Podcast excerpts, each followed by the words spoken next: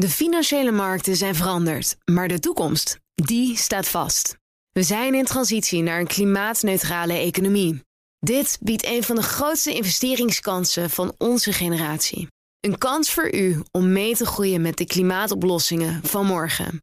Meer weten? Ga naar carbonequity.com. Carbon Equity. Do good by investing better. Een goedemorgen van het FD. Ik ben Pauline Swuster en het is vrijdag 21 oktober.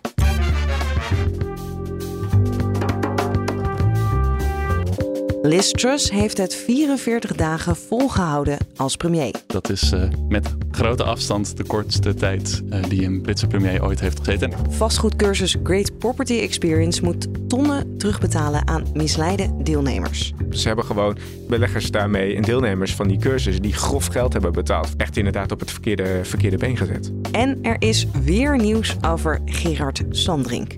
Deze keer vanuit het OM de beslissing van, uh, ja, van Sanderink slash Centric om Sanderink weer uh, tot het bestuur van Centric toe te laten. Dat dat aanleiding is om een procedure bij de zogeheten ondernemingskamer te starten. Dit is de dagkoers van het FD. We beginnen bij Liz Truss, die op donderdagmiddag haar afscheid aankondigde als premier van het Verenigd Koninkrijk. Given the situation, I cannot deliver the mandate on which I was elected by the Conservative Party.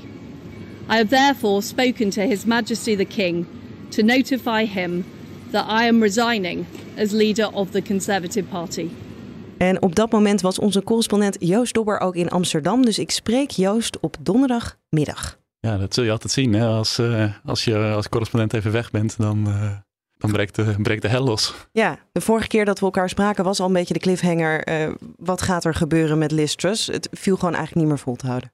Nee, ja, haar positie was duidelijk onhoudbaar geworden. En dat was natuurlijk al een tijdje duidelijk. De vraag was meer, ze zal weggaan, gaat ze snel weg of duurt het nog even voordat ze weggaat? Nou, dat is uiteindelijk dus redelijk snel uh, ge ge gegaan. Ja, en hoeveel dagen kan ze volmaken als ze... Nou, de partij gaat nu in een week tijd een opvolger uitkiezen. Dus uh, nou ja, dan komt ze op 51 dagen uit. Dat is uh, met grote afstand de kortste tijd uh, die een Britse premier ooit heeft gezeten. En het is ook veel korter dan de leiderschapscampagne waarmee ze aan de, aan de macht kwam. En ze gaan dus op zoek naar een nieuwe leider voor de Tories. Geen nieuwe verkiezingen. Dat durfden ze niet aan. Nee, en als je naar de peilingen kijkt, dan snap je ook wel waarom de Labour staat nu op ongeveer, ja, de peilingen verschillen natuurlijk, maar ongeveer de, uh, 50% van de stemmen. De Tories nog op 20, 25%. En aangezien de Britten een districtenstelsel hebben, dus het is first past the post, uh, met 20% uh, word je gewoon weggevaagd. Um, dus wat effectief een uh, twee-partijenstelsel, twee-partijensysteem is, lijkt het nu volgens sommige peilers dat de Tories de derde partij zouden zijn. Dat ze nog kleiner worden dan de Schotse SNP. Ja, dan snap ik wel dat ze dat uh, niet aandurven. We hebben al een idee wie zich in de strijd gaan mengen om dat leiderschap? Ja, er gaan een aantal uh, namen rond. Um, Penny Mordaunt is degene die zich al kandidaat heeft gesteld. Uh, zij werd nipt door Liz Truss afgetroefd deze zomer bij de opvolging om Boris Johnson. Um, en is een redelijk gematigde kandidaat, wat misschien, is, wat, wat misschien wel aantrekkelijk is na nou, de zeer rechtse Truss. Uh, Rishi Sunak, degene die van Truss verloor tijdens de leiderschapscampagne. En uh, volgens de geruchten is ook Boris Johnson geïnteresseerd in een terugkeer. Ja, nou, die heeft misschien wel het mandaat van de kiezer dan. Zo uh, ziet hij het zelf in ieder geval wel. Hij, hij ziet die meerderheid van bijna 80 zetels als zijn persoonlijke meerderheid. Ja. Um, dus inderdaad, dat, dat klopt. en Boris Johnson heeft het voordeel dat hij bij de, de leden, de partijleden, uh, heel erg populair is. Dus mocht er een stemming naar de leden gaan, waarbij hij op het uh, kiesbiljet staat, dan maakt hij best een redelijke kans. Maar ja, hij is natuurlijk pas drie maanden geleden gewogen en te licht bevonden door zijn partij. Dus het zou wel gek zijn als uh, de fractie hem nu voor, naar voren schuift als een van de mogelijke opvolgers. Maar je weet het nooit. Nee. Um, de problemen die begonnen natuurlijk allemaal met die begroting en de onrust op de financiële markten. Zijn die blij met haar vertrek? Um, ja, maar die waren vooral al blij met uh, de, het terugdraaien van die plannen. Uh, wat ze afgelopen week heeft gedaan. Um, dus toen Liz Truss haar aftreden bekend maakte, zag je wel een kleine koersreactie. Het pond veerde iets op. Maar het is allemaal niet zo heel erg uh, veel meer. Ik denk dat het meeste nu afhangt van het punt waarop de, ja, dat zal dan de volgende regering worden. Um, met een nieuwe begroting komt. En dat we dan weer weten hoe de, hoe de financiën eruit zien voor de middellange termijn. Maar uh, het plan was om dat op 31 oktober te doen. Ik denk, aangezien de nieuwe premier bekend wordt op 28 oktober, dat dat veel te krap is. Uh, dat we er langer op zullen moeten wachten. Great Property Experience heeft deelnemers aan hun vastgoedcursussen misleid. En daarom heeft de rechter besloten dat het bedrijf bijna 6 ton moet terugbetalen. Ga ik het over hebben met woningmarktredacteur Erik van Rijn, die eerst even vertelt wat de Great Property Experience is. Een eh, vastgoedcursusbedrijf waarbij jou wordt geleerd om te leren beleggen in huizen of anderszins inspiratie op te doen om financieel vrij te worden. En het middel daarvoor is dus inderdaad beleggen in, uh, in vastgoed. En hoe komt de Great Property Experience dan aan hun uh, deelnemers? Ja, dat doen ze dus grotendeels via sociale media. Vele reclames via YouTube en, uh, en Facebook. Um, waar ze met allerlei filmpjes dus mensen ja, financiële vrijheid voorspiegelen. En dus is het ook een zie je ook dat de deelnemers aan dit soort cursussen echt van een allerlei pluimage zijn. Maar dat er ook heel veel jonge, jonge onervaren mensen tussen zitten. Van ja, 18, 19, 21 jaar. Die dus grof geld hebben betaald voor dit soort cursussen. En je zegt flinke bedragen. Waar hebben we het dan over? Voor een paar honderd euro kun je deelnemen aan cursussen waarbij je een aantal filmpjes kunt kijken onder meer. Om misschien ook wel te gaan beginnen met het beleggen in vastgoed. En als je echt iets wil weten, dan zou je mee kunnen doen aan het zogeheten Black Badge jaarprogramma.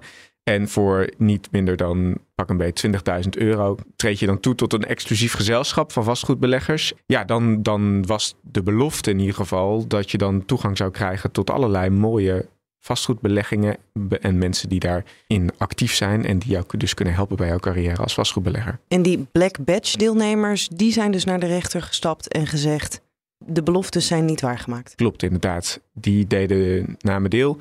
En die dachten, nou, het kip met de gouden eieren gevonden te hebben. En toegang te krijgen tot een soort vastgoedmarktplaats. waarin allerlei beleggingspanden onder de marktprijs, wat de marktprijs dan ook zou mogen zijn, zouden komen te staan.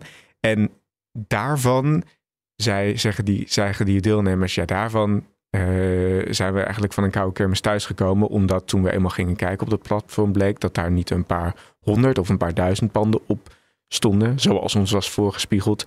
Maar uh, een paar. En de rechter heeft ze daarin gelijk gegeven? De rechter heeft daarin gelijk gegeven. En ik ben altijd een beetje voorzichtig met harde termen. Maar van dit vonnis kun je wel zeggen dat het echt snoeihard is voor de Great Property Experience. Echt um, van elk argument dat zij aandragen, uh, wordt van gezegd, ja, dat, dat kun je gewoon zo niet zeggen. En de rechter zegt eigenlijk van ja, ze hebben mensen, deelnemers, potentiële deelnemers, echt volledig op het verkeerde been gezet door tijdens presentaties te vertellen dat er honderden, duizenden panden op dat ProRank kwamen.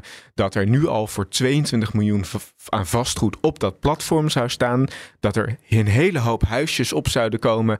En dat potentiële beleggers dus echt ontzettend veel kansen hadden om te beginnen met dat beleggen in, uh, in, in vastgoed. Uh, en en dat, dat ProRank, zo heet dat platform, daarvoor het middel zou zijn. Nou, daarvoor, daarvan zegt de rechter echt, nou ja, dat, dat is pertinent onwaar gebleken. Daar hebben, ze hebben gewoon beleggers daarmee en deelnemers van die cursussen die grof geld hebben betaald, echt inderdaad op het verkeerde, verkeerde been gezet. Was er dan vanuit uh, de Great Property Experience nog iets van een verweer? Er waren heel veel, heel veel argumenten. Er was het argument dat de Great Property Experience zei: ja, moet je goed luisteren. Uh, niet wij als Great Property Experience zijn verantwoordelijk voor het aanbod op dat ProRank. Maar we hebben benadrukt dat dat vanuit de gemeenschap moet komen. Het moet uit dat, dat mooie netwerk komen dat we met z'n allen aan het maken zijn. Ja, en daarvan zegt de rechter: ja, dat, dat, is, dat is helemaal niet waar. Uh, Great Property Experience heeft gewoon de indruk gewekt dat zij eigenlijk dat zelf zouden doen. Dat zij dat, dat, zij dat aanbod zouden regelen. En dat zij we daarmee ook een soort resultaatverplichting.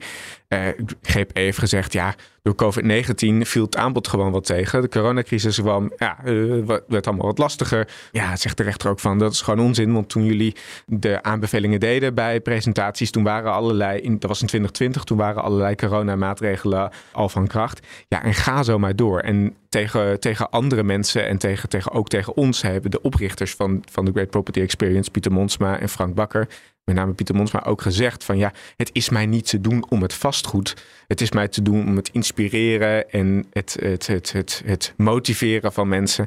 Ja, daarvan zegt de rechter eigenlijk van ja, door dit zo te stellen in allerlei presentaties, laat je eigenlijk ook zien dat mensen niet lid worden om geïnspireerd te worden door allerlei uh, bijeenkomsten. Maar is het gewoon te doen om het kopen van vastgoed? En ja, dat hebben ze dus niet goed gedaan. En wat betekent dit nu voor alle deelnemers van deze Great Property eh, Experience cursussen? Krijgen ze allemaal geld terug? Nou, het grootste gedeelte wel. Wat, wat betreft die Black Badge cursussen krijgen ze inderdaad. Uh, uh, moeten ze inderdaad hun, hun, hun geld terugkrijgen. Het gaat om 590.000 euro die de Great Property Experience nu moet teruggeven. Ja, daar hebben van, daarvan is in ieder geval duidelijk dat de rechter zegt: we, je, krijg, je krijgt het terug. En tot slot moeten we het ook vandaag weer even hebben over Gerard Sandrink. Mocht je de dagkoers van gisteren gemist hebben, luister hem dan terug. Maar lang verhaal kort, Gerard Sandrink is terug in het bestuur van zijn IT-bedrijf Centric. Tot verrassing van zijn medewerkers, omdat er juist onrust was vanwege Sandrink, maar ook tot ongenoegen van het OM. Stijn van Gils volgt het dossier en praat je bij over de laatste ontwikkelingen. Uh, het, het, OM heeft gezegd uh, dat de beslissing van, uh, ja, van Sanderink slash Centric om Sanderink weer tot het bestuur van Centric toe te laten, dat dat aanleiding is om een procedure bij de zogeheten ondernemingskamer te starten. Ja, want ze waren al aan het kijken, vooronderzoek aan het doen of ze dat misschien wilden gaan doen. Er was een vooronderzoek inderdaad. Uh, in, in, ja, binnen, binnen Centric hoor je dat, uh, dat verwacht werd dat daar wel vrij snel een, een uitkomst van zou komen.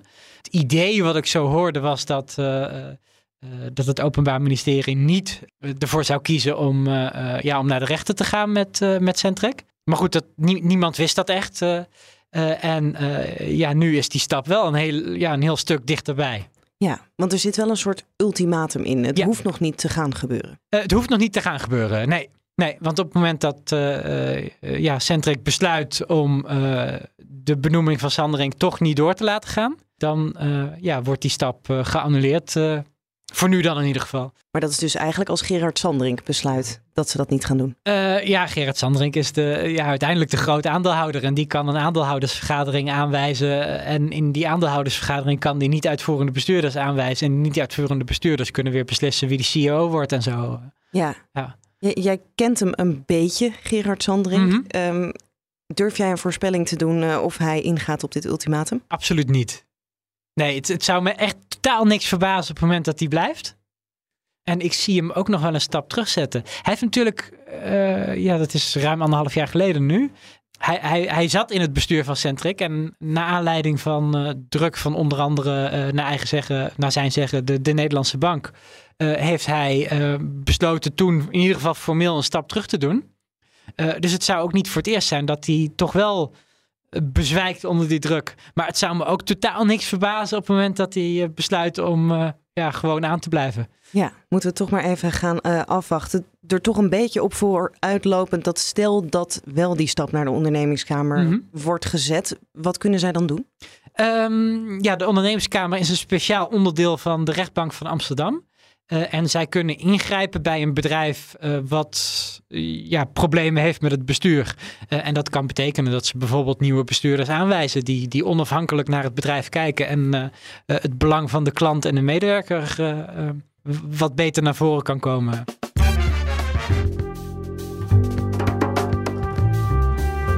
Dit was de dagkoers van het FD. Wil je meer horen over Gerard Sandrink? Luister dan onze serie Achter gesloten deuren. Die gaat helemaal over dit dossier. En Achter gesloten deuren is genomineerd voor een Dutch Podcast Award.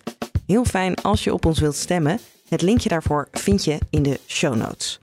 Een heel fijn weekend alvast en graag tot maandag.